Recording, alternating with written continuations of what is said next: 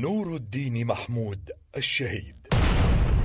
هو الملك العادل نور الدين محمود ابن عماد الدين زنكي ابن آق سنقر ونشأ أبوه عماد الدين بالعراق وندبه الخليفة المسترشد بالله أمير المؤمنين لولاية ديار الموصل والبلاد الشامية. فلما انقضى أجله رحمه الله قام ابنه نور الدين مقامه في الملك. نشأ نور الدين في كفالة والده وتعلم القرآن والفروسية والرمي وكان شهما شجاعا ذا همة عالية محبا للسنة حريصا على اتباعها.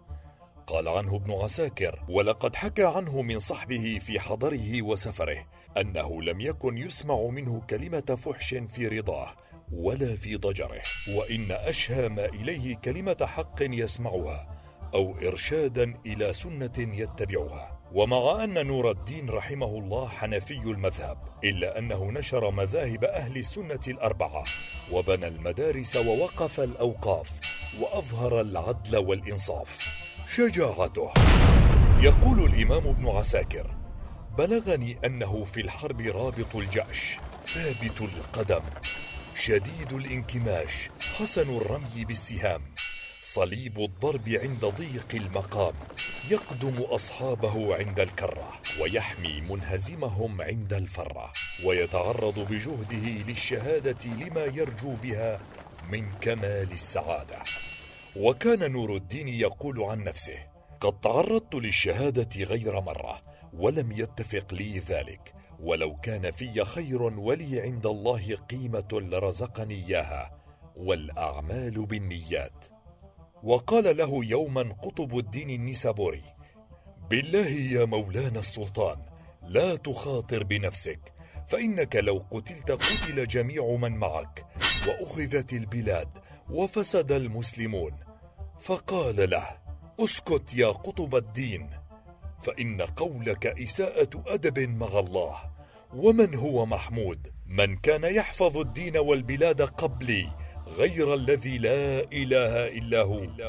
وعند حصن الأكراد عام 558 للهجرة هاجم الصليبيون معسكر نور الدين رحمه الله على حين غفلة وهو في قلة من أصحابه فانسحب بسرعة إلى حمص وأخذ ما يحتاجه من خيام وتجهيزات عسكرية وعاد فعسكر على بحيرة قدس على بعد أربعة فراسخ من مكان الهجوم.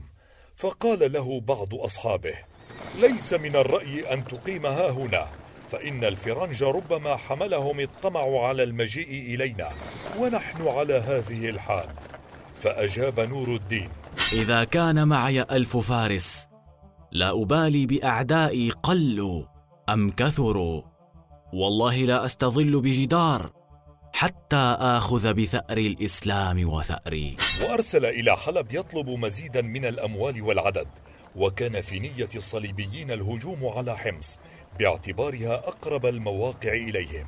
فلما بلغهم مقام نور الدين رحمه الله قريبا منهم قالوا إنه لم يفعل هذا إلا وعنده من القوة ما تمنعنا. فتوحات نور الدين.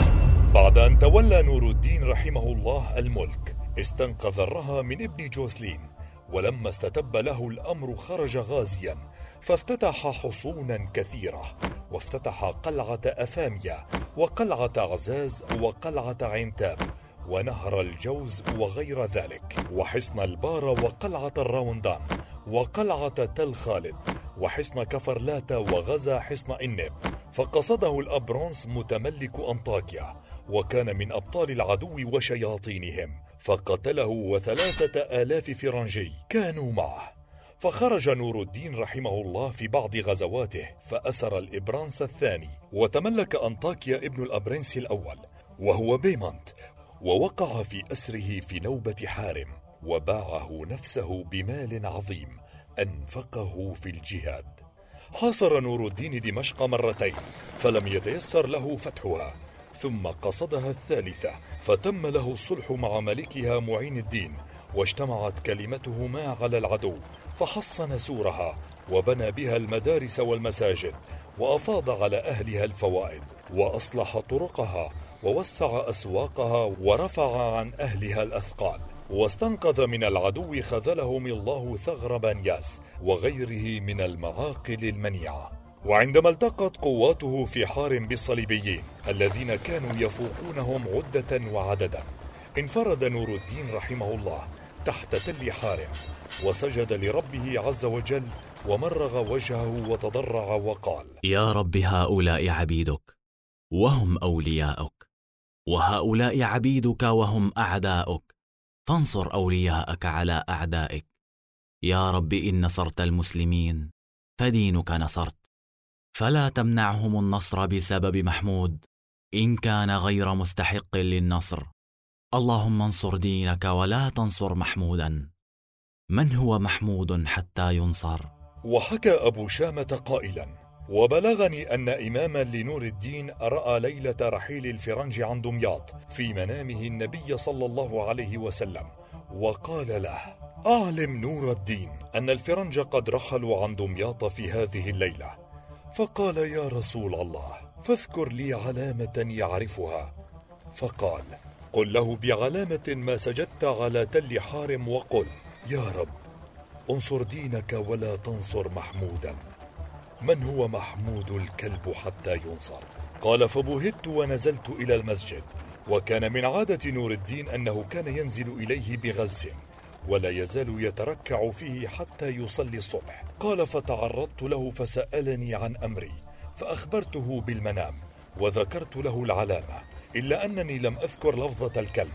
فقال نور الدين أذكر العلامة كلها وألح علي في ذلك فقلتها فبكى رحمه الله وصدق الرؤيا فأرخت تلك الليلة. ومن روائع عدله كان القضاة يتحرجون من محاكمة كبار رجال الدولة دولة نور الدين. فلما زادت الشكوى من عماله وتحديدا من عمال أسد الدين شيركو أعظم رجاله وعلم نور الدين محمود بالأمر أسس دار العدل وهي بمثابة محكمة عليا لمحاسبة كبار رجال الدولة.